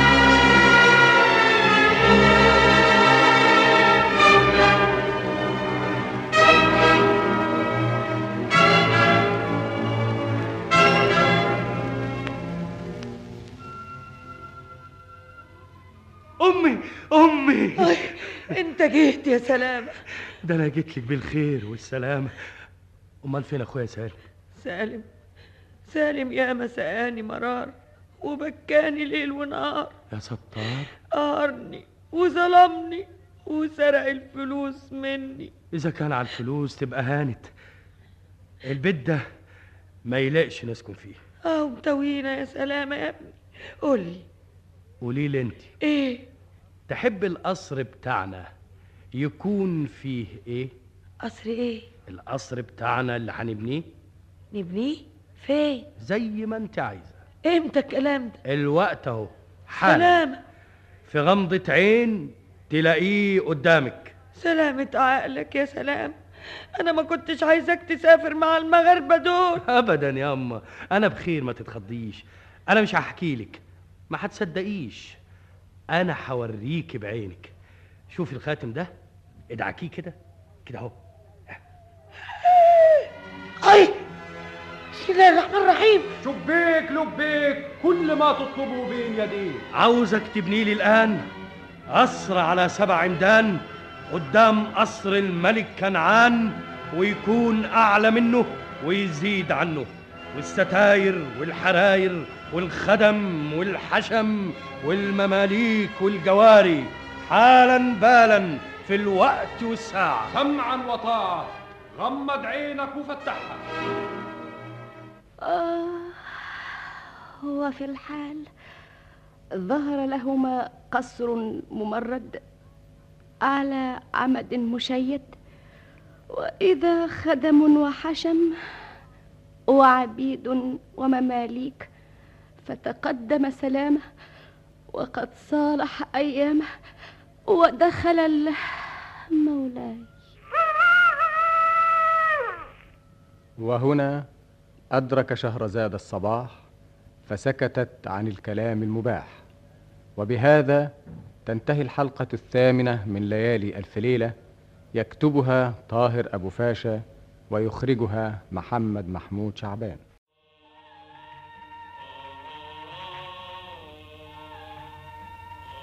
ولما كانت الحلقة السادسة وفيها الليلة التالية اتخذ الملك شهريار مجلس الليلة الماضية وجعلت شهرزاد تقص عليه ما وقع وتصل من الحديث ما انقطع. بلغني أيها الملك السعيد ذو الرأي الرشيد أن سلامة بن سلام لما سمع من الشيخ المغربي هذا الكلام أمسك به وقال لا أتركك حتى تفسر لي هذه الطلاسم وتشرح لي هذه الأسرار. من أنت؟ وما شأنك؟ وما شأن هذين الشيخين المغربيين اللذين طوتهما مياه البحيرة؟ ومن هما؟ وما قصة هاتين السمكتين؟ ولماذا وضعتهما في هاتين العلبتين؟ وما شأن ذلك اليهودي؟ فقال له الشيخ اعلم يا سلامة بن سلام أننا كنا أربعة إخوة عبد الموجود وعبد المعبود. وقد غرق أمامك. وعبد الأحد وقد عرفته فهو اليهودي الذي قابلته. وأنا عبد الصمد. وكان أبونا يعرف السحر. ويعلمنا الكهانة وحل الرموز وفتح الكنوز. وقد ترك لنا بعد موته أموالا لا تحصى ولا تستقصى فلم نختلف عليها. ولكننا اختلفنا على كتاب قديم نادر مخطوط بخط غير ظاهر لا يقدر بثمن ولا يشترى بمال. اسمه زاد المسافر وقبلة الحائر. وفي هذا الكتاب كنز الكنوز وحل الطلاسم وفك الرموز. وكان لأبينا أستاذ هو الذي علمه السحر والكهانة واسمه الكاهن الأعظم. فذهبنا له واختصمنا أمامه واحتكمنا إليه. فأقبل علينا يقول ما تختلفوش ما تختصموش. الكتاب ده مقسوم لواحد بس من الإنس مين؟ مين؟ اللي يفتح كنز السلطان الشمردل ويبطل الأرصاد ويفك المندل ويحل الرموز ويكلم الخادم وياخد السيف من إيد السلطان وهو نايم ويسحب من صباعه الخاتم وإيش يكون السيف وإيش يكون الخاتم السيف ده سيف السلطان الشمردل من صنع داوود وعليه رصد مرصود لا ترتفع امامه سيوف ولا تثبت قدامه صفوف. والخاتم. والخاتم اللي لابسه السلطان هو خاتم سليمان وله خادم من الجان. إذا دعكت الخاتم يظهر لك الخادم ولو طلبت المحال يجيبه لك في الحال. يا سيدنا وسيد والدنا وين الطريق ارشدنا وين الكنز؟ الكنز ده محدش يعرف سره غير الأميرة عنبر. والأمير شمبر أولاد الملك الأحمر. وين أرض؟ وين بلاد؟ الأمير والأميرة دول مسحورين في بحيرة المرجان الموجودة في أرض كنعان.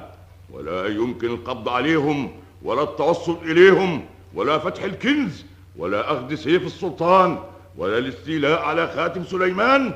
إلا على وجه شاب صياد من سكان هذه البلاد. إيش اسمه يا سيدنا؟ اسمه سلامة ابن سلام وأمه اسمها مرزوقة. مرزوقة يا سيدنا والله مرزوقة. إيه رأيك يا عبد الموجود؟ موافق يا سيدنا. وفقك الله يا ابني وإنت يا عبد المعبود. شرطك مقبول يا سيدنا. ربنا يقبلنا. وانت يا عبد الصمد. موافق يا سيدنا. وفقك الله يا ابني. وانت يا عبد الأحد. لا يا سيدنا أنا راضي بنصيبي من إرث والدنا. وتفرقنا؟ لا خايف عليكم من الإنس ومن الجان. وسايق ركايبكم إلى بلاد كنعان. وليه تسبق خطاهم ما تسافر معاهم؟ لا مين عارف إيش يكون اللي حيكون. أنا حدخل هذه الأراضي المنيعة بصفة يهودي وأسمي نفسي شميعة. انتهينا. الكتاب ده سابه أبوكم عندي وديعة. اللي يفتح الكنز ويكلم الخادم ويجيب سيف السلطان والخاتم هو اللي ياخد الكتاب ويعلي الجواب. في سلامة الله في رعاية الله.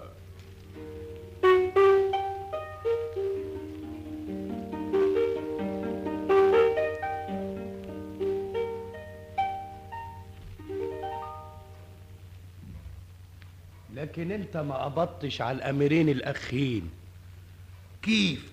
هما يا ولدي في قلب العلبتين. اللي في قلب العلبتين دول سمكتين. إي نعم إي نعم يا ولدي. سماك مسحور والسحر داير في قرار البحور. بقى بقى السمكتين اللي في العلبتين هما الاميرين عنبر وشامبر ولاد الملك الأحمر. نعم يا ولدي وإيش يكون أكثر؟ تشكر. لكن انت ما قلتليش. إيش؟ انت لسه عايز مني حاجة؟ إيش؟ كلمني طمني.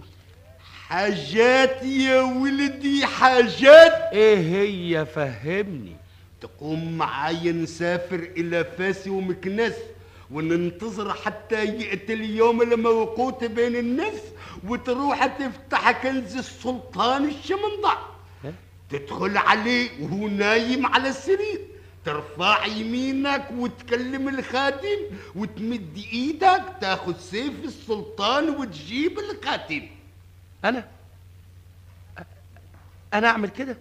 ما حدا غيرك يا ولدي يفلح ولا ينفتح. هذا الكنز إلا على وجهك الإصبع. وأنا عليا من ده بايه بعطيك يا ولدي ما تشتهي وتريد. الكنز ده فين يا شيخ المغاربة؟ إيه حكايته؟ إيه أسراره؟ الكذب خيبة والصدق ينجيني ما بعرف شي يا ولدي ما سمعت ولا ريت بعيني. ما سمعت ولا ريت بعيني؟ أمال واخدني ترميني؟ لا يا ولدي سر الكنز في مكان أمين. فين؟ في صدر الاميرين اللي هم السمكتين يا ولدي ما هم سمكتين. دول أميرين مسحورين. عنبار وشمبار ولاد الملك الأحمر. إذا وافى الميعاد والموعود واجل أجل الاجل المحدود عزمنا عليهم بقوة الواحد الديان وسلطنا عليهم الخدم والجان. يقرروهم يا ولدي بقسم سليمان. ويعذبوهم بالحديد والنار حتى يبوحوا بالإسراء وبعدين؟ بعدين يا ولدي تاخد مفتاح السر في يدك وتروح تفتح الكنز ويكون من نصيبك ومن حظك. والحكاية دي يعني ضروري. مقصود يا ولدي مقصود. طب وإن ما رضيتش أجي معاك؟ مطلوب والله مطلوب. اسمع يا شيخ المغاربة. اصنع معروف يا ولدي. اعمل معروف انت. راجيك يا ولدي. دخليك يا ولدي طنيبك يا ولدي. اسمع يا شيخ المغاربة أصلك ما أنتش واخد بالك. أصل أنا راجل على باب الله وبجري على أمي وبصرف على أخويا ولا لهمش حد غيري يصرف. إذا كان على إماك وخياك بعطيك لهم ما يكفي غبتك ما تتعبش نفسك كويس لحد كده. بعطيك يكفيك ألف دينار. ها؟ أ- ألف دينار؟ بقول ألف دينار. انت ألف دينار إزاي؟ ألف دينار يا سلامة يصرفوا منهم لحين رجوعك بالسلامة. الله أنت بتقول إيه؟ خد خد يا ولدي خد. الله الله الله الله الله الله الله هذه عشر صرات فيها عشر مية. يا قاضي الحاجات. أه، أه، أنا وياك يا شيخ المغاربة بس أه، أروح بيتنا اودي الفلوس لأمي وأشوف أخويا وأسلم عليهم وأوصيهم. اجري على إجرك. طب, طب بس على مهلك. على العين والراس. قومي يا مبروكة المية تكذب الغطاس على فاس ومكناس. على فاس ومكناس.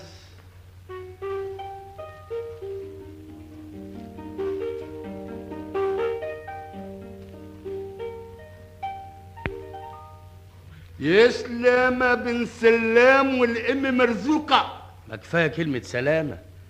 انت سلامة بقالك معانا قديش؟ بقالي معاك ست أشهر النهارده. النهارده يا ولدي حل الميعاد. النهارده يا ولدي تنفك العرصات.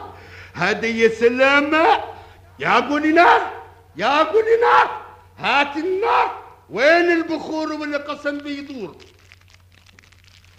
أنا أنا أنا خايف يا شيخ المغاربه هات العلبتين اللي فيهم السمكتين. أنا خايف حبتين. إيه بحق الله وبسم الله. بحق النار ورب النار. صعفص قرشت حرشت برشت فاشن باشن الناس طواشن. هيا هيا ردوا عليا. مرحبا مرحبا سلطان سنجم ملك النار مثل النار أين أنت يا ركيب؟ الثعبان اقسمت عليكم وعزمت عليكم إلا ما حضرتم الآن من كل مكان. ودخلتم على عنبار وشنبار أولاد الملك الأحمر وتكووهم بالنار حتى يبوحوا بالاسرع الآن الآن الآن الان عسال وحل وحل عجل العجل.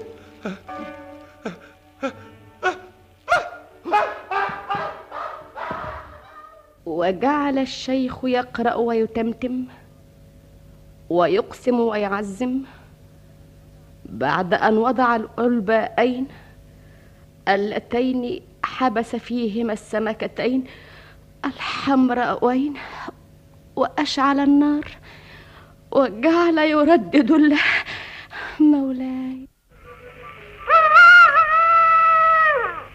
وهنا أدرك شهرزاد الصباح فسكتت عن الكلام المباح. وبهذا تنتهي الحلقة السادسة من ليالي ألف ليلة يكتبها طاهر أبو فاشا ويخرجها محمد محمود شعبان. ولما كانت الحلقة العاشرة وفيها الليلة التالية أسرع الملك شهريار فاتخذ مجلسه كالليلة الماضية.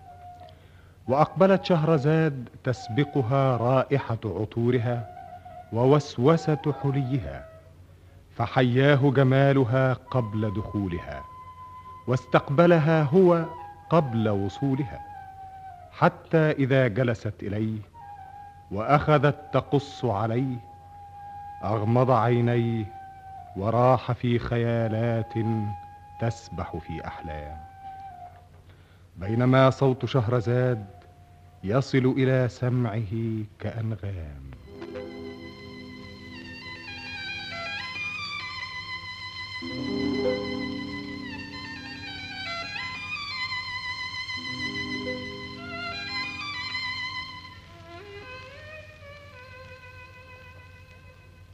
بلغني أيها الملك السعيد ذو الرأي الرشيد أن الجني لما سمع من سلامة هذه الحكاية بلغ منه الدهش إلى أبعد غاية. وسأل سلامة عن علاقته بصاحب الخان بعد أن خرج من قصر الملك كنعان. فبلغ من الجني العجب وسكت منه الغضب وأطرق قليلا ثم رفع رأسه وقال يا سلامة أنت قتلت ولدي من غير قصد منك وقد عفى الله عنك. وإن أردت فإني لك خادم وسأرد لك السيف والخاتم. فبكى سلامة وقال له أنا لا أريد إلا أن أفك الرصد عن أخي وأعيده إنسانا كما كان. فقال له اعلم يا سلامة أن أخاك لا يعود إلى طبيعة الأوادم إلا إذا ملكت الخاتم وطلبت هذا الأمر من الخادم. اسمع يا سلامة الراجل بيموت. كلنا ولاد موت. خلاص يا سلامة ملكت السيف والخاتم. حيفك السحر عن أخوك سالم وترجعه تاني آدمي زي الأوادم. مانيش فاهم. الراجل العيان. ده الملك كنعان أنا حوصلك إليه وأدخلك عليه. إزاي؟ ده في حرس بسيوف واقفين صفوف. هم دول اللي حيوصلوك إليه وهم اللي حيدخلوك عليه. يمكن يكون حد فيهم لسه فاكرني. ياخدوني ويروحوا قتلني. ويفضل أخويا الغلبان كلب. ما يرجعش إنسان. إن كان على شكلك يتغير. دي حاجة تحير. أنت دلوقتي واحد غريب رايح هناك بصورة طبيب. لوحدي؟ أنا وياك. هنروح هناك وتقف تنادي تحت الشباك. آه حكيم نداوي طبيب نداوي حكيم نداوي. طبيب نداوي انت راجل انت اللي بتنادي. حادي بادي سيد القاضي واقف غادي. انت راجل انت مغربي. صلي على النبي. مين؟ صلي على النبي. مين ده اللي بيسيء الأدب والسلوك؟ تحت شبابيك الملوك. حكيم نداوي يا ست ستات ونقرأ الاثر ونحضر الوصفات. حكيم؟ طب استنى هنا. زال عنك السوء والعناء. في واحد عيان عندنا. لو دويته هتشوف السعد والغنى. هالعيني بيته وريني يا ولد القووق. القووق؟ اديله القووق اتفضل القووق ارفع يمينك فوق وقل له روح يا قووق. طب روح يا قووق الله الله القووق راح. اختفى اختفى. إزاي ده؟ عجيبة. حاجة غريبة. هاتوه اوعوا تسيبوه. ده باين عليه راجل مبروك. تعال تعال. طولوا بالكم طولوا بالكم اتفضل ويانا. والكلب بتاعي. هاتوله الكلب. والخدام. والخدام. يلا على القصر أوام.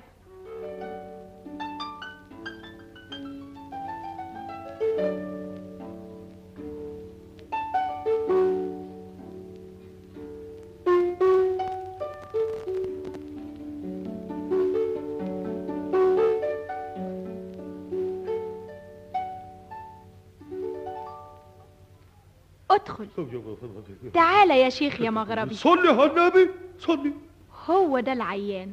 ده الملك كنعان. عليل والعلة زادت عليه واحتار الأطباء فيه ومش عارفين نعمل إيه. شوف يا شيخ المغاربة إيه اللي بيه؟ والله يا مصبحة فيك الخير والمروة فيك. يمكن ربنا يجعل الشفا على إيديك. والله يا بنتي ما ينضرب رمله. ولا ينطق نجمه إلا إذا جبتوا النار وخليتوا المكان من بخر السكان ونحضر ملوك الجان. يا رحيم يا رحمن اخلوا لهم المكان. ارخوا الستاير واقفلوا الأبواب. يا وهاب يا وهاب ابنهم يا وهاب.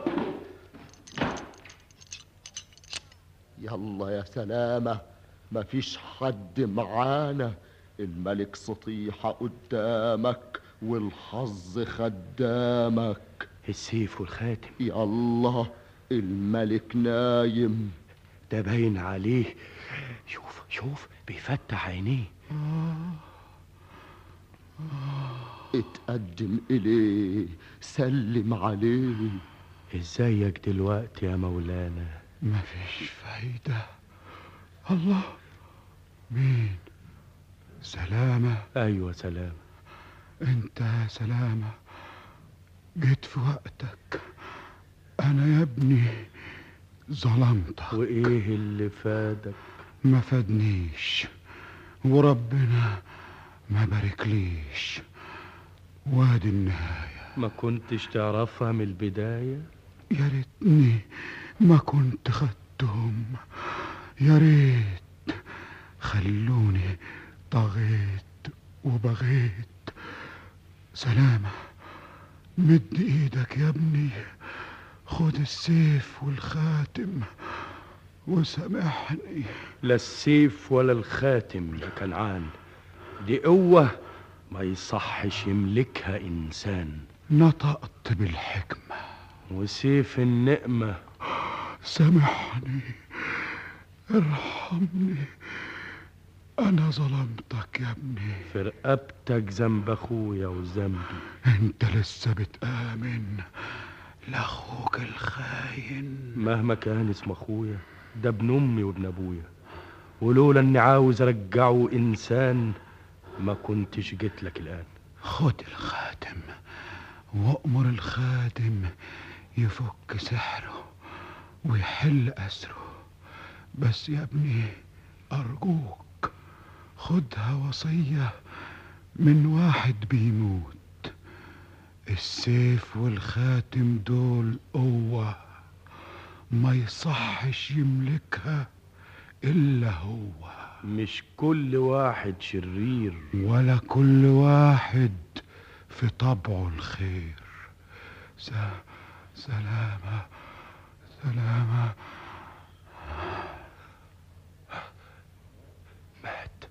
انتهى وفات ودي النهاية؟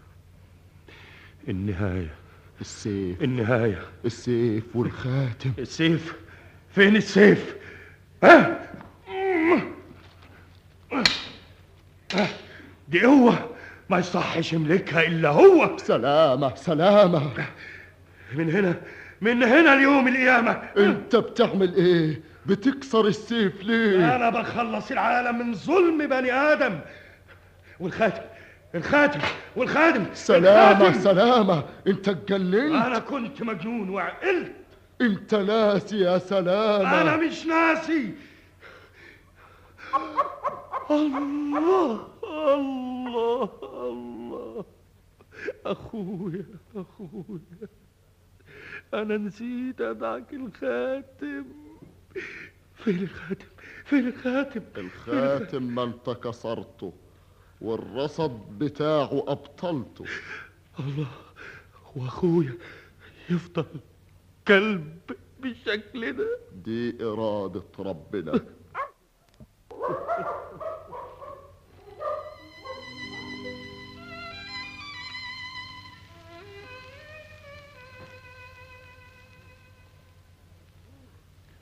يا لها من قصة ويا لك أنت يا شهرزاد.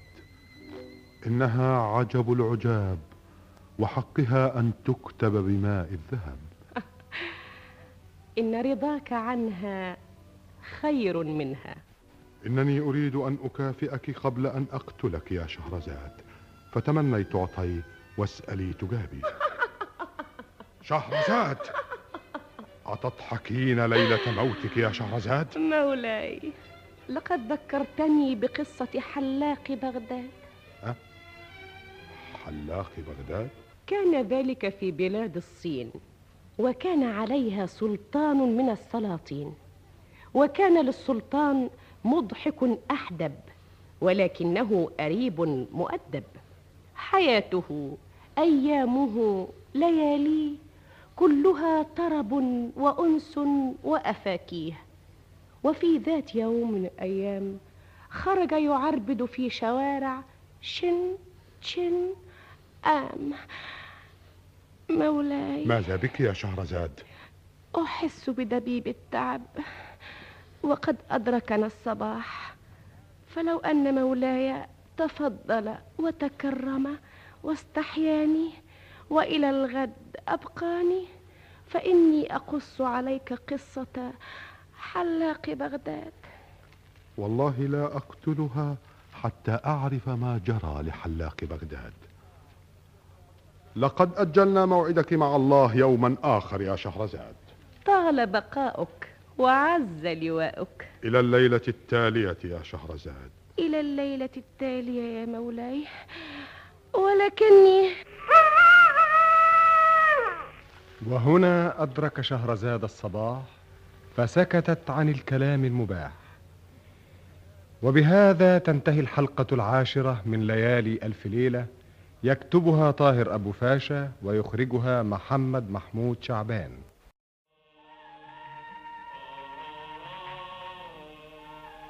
ولما كانت الحلقة السابعة صعد الملك شهريار إلى قصره بعد أن حكم وتحكم وأخر وقدم وأمر ونهى وولى وعزل فأسرع إلى مخدعه واتخذ مجلس الليلة الماضية وأغمض عينيه وهي تسكب في سمعيه وتقص عليه. بلغني أيها الملك السعيد ذو الرأي الرشيد أن الشيخ المغربي أخذ معه سلام إلى بلاده ليفك الرصد المرصود في اليوم المحدود. فلما وافى الأجل أرسل إلى سلامة على عجل. وخرج به إلى الصحراء فنصب خيمة حمراء وجعل فيها أرائك ووسائد ومتكئات ومساند ثم طلب العلبتين اللتين وضع فيهما السمكتين وأشعل نارا وأقسم عليها وألقى فيها بالبخور ثم أخذ يقرأ ويتمتم ويقسم ويعز.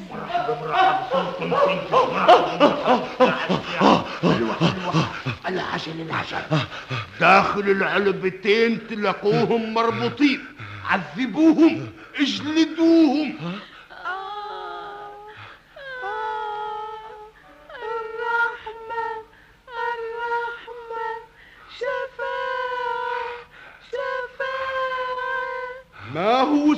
كنز السلطان الشمردل طلعنا من العلبتين وفك أسرنا وإحنا نقول لك سرنا. أعطوني قسم ويمين وعهد سليمان على الغادر الخوان.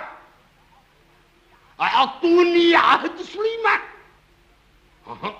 اكووهم بالنار يا ملوك النار. بحق النار ورب النار صعفص قرشت حرشت مرشت طاشن طاشن هيا قواشن هيا هيا مرحب مرحب. كفى كفايا كفى كفى يا عبد الصمد. نعطيك عهد سليمان. وأيمان ملوك الجان. وأيمان ملوك الجان. على الغادر الخوان. كفى كفى كفى. كفوا مشكورين وانصرفوا مأجورين. اشتاتن اشتاتن اشتاتن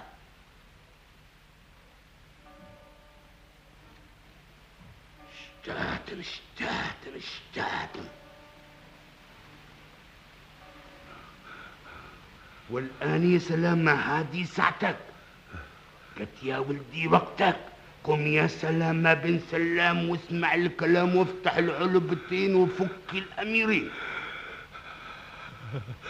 أنا. لا تخاف يا سلامة بن سلام وحق الرحمن سمي. بسم الله الرحمن الرحيم. والثانية الثانية يا سلامة بن سلام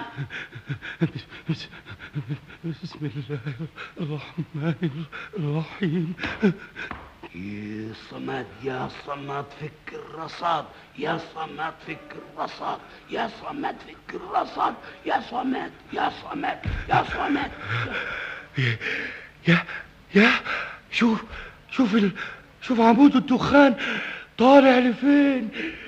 يظهر لك تحت الأميرين الله هم دول دول دول متأيدين. هذا يا ولدي قيد اليمين. أمان يا عبد الصمد أمان. وعلى المؤمنين السلام والأمان.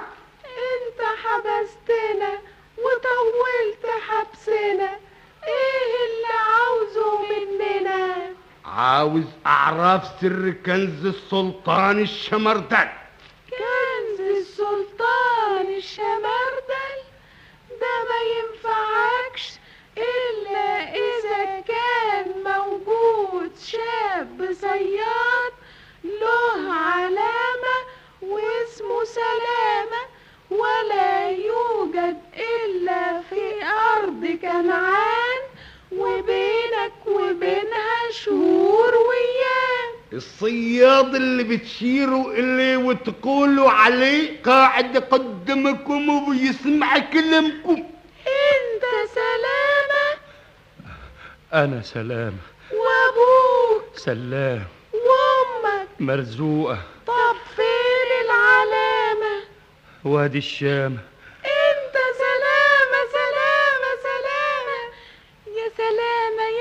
سلام هنيت بما أعطيت. اسمع يا سلامة كنز السلطان مكتوب على جبينك وسر مفتاحه ملك يمينك. اسمع السر واوعك تخالف الأمر. هيقابلك تلات أبواب. أول باب عليه حلقتين تخبط عليه خبطتين. يطلع لك فارس بإيده سيف يقولك إن كنت سلامة ابن سلام قدم رقبتك في الحال. تمدله رقبتك ساعة ما يضربك يقع على الأرض وينفك راسك. وبعدين؟ تقدم. لما تلاقي تاني باب وعليه تلات حلقات خبط عليه تلات خبطات. يطلع لك سبع كاسر. يقولك إن كنت جاسر تقدم يا شاطر. ساعة ما يقولك كده تقدم منه وحط إيدك في بقه يقع ويفضل سحره. وبعدين؟ تقدم وافضل ماشي في السرداب. لما تلاقي تالت باب وعليه أربع حلقات خبط عليه أربع خبطات. تطلع لك أمك تقولك ده أنا أمك ودمي من دمك. لا أنت ما أنتش أمي ولا دمك من دمي.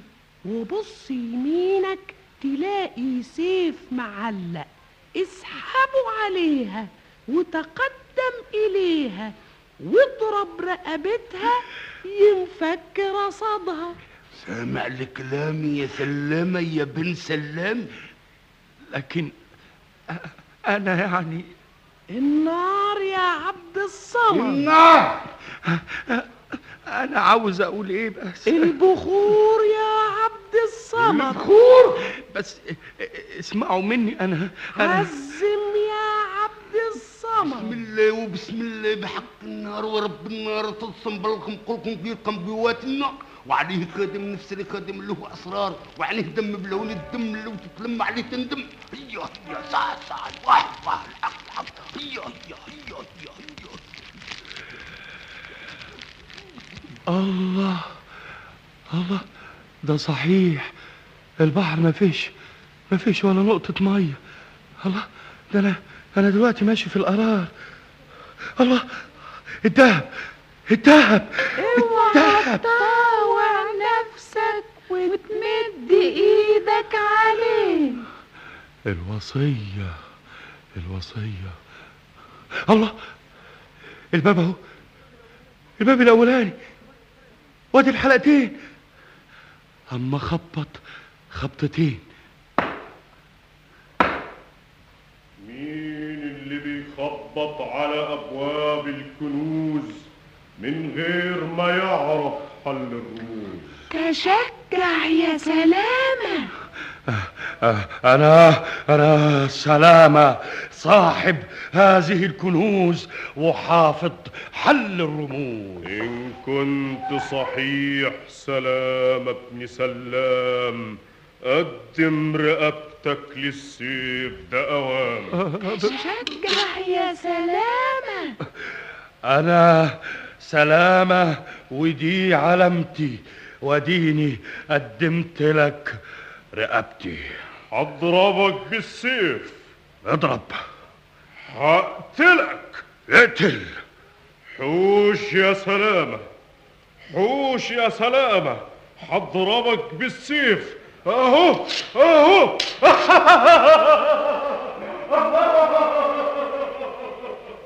الله بسم الله الرحمن الرحيم. الراجل اختفى. ده صحيح ده صحيح. الدهب الدهب الدهب اوعى تطاوع نفسك. آه الوصية الوصية. الباب التاني. آه. وادي التلات حلقات. أما خبط تلات خبطات.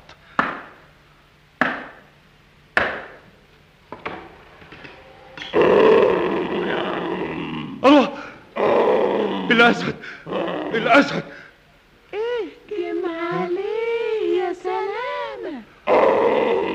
أنا أنا سلامة يا أسد واللي بعتني عبد الصمد عشان أفك الرصد. خد!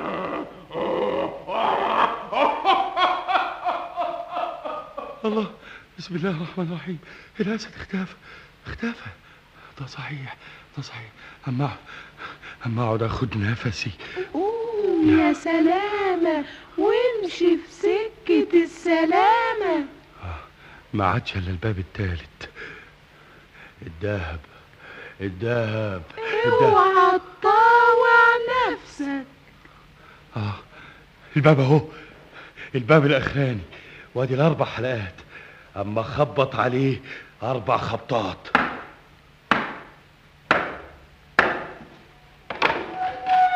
سلامة! سلامة ابني! ها؟ دمي. بالظبط هي. هي. اوعى تخدعك يا سلامة. سلامة ابني. ابعدي عني. ليه يا سلامة؟ ليه يا ابني؟ ده أنا أمك ودمي دمك. انت ما انتش امي ولا دمك من دمي. يخص عليك يا سلامة. فين السيف؟ ده جزات اللبن اللي رضعته لك يا سلامة. ارفعي راسك. تقتل أمك يا سلامة. ارحمني ارحمني يا ابني. وأنا اعمل إيه بس يا أبا؟ سلامة سلامة أمي أمي. ابني أمي. تعال في حضني تعال في حضني يا مكرمة وخدعته الجنية اللعينة فظن أنها أمه المسكينة. وألقى السيف من يديه وفتح لها ذراعيه وعندئذ مولاي. وهنا أدرك شهرزاد الصباح فسكتت عن الكلام المباح وبهذا تنتهي الحلقة السابعة من ليالي ألف ليلة يكتبها طاهر أبو فاشا ويخرجها محمد محمود شعبان.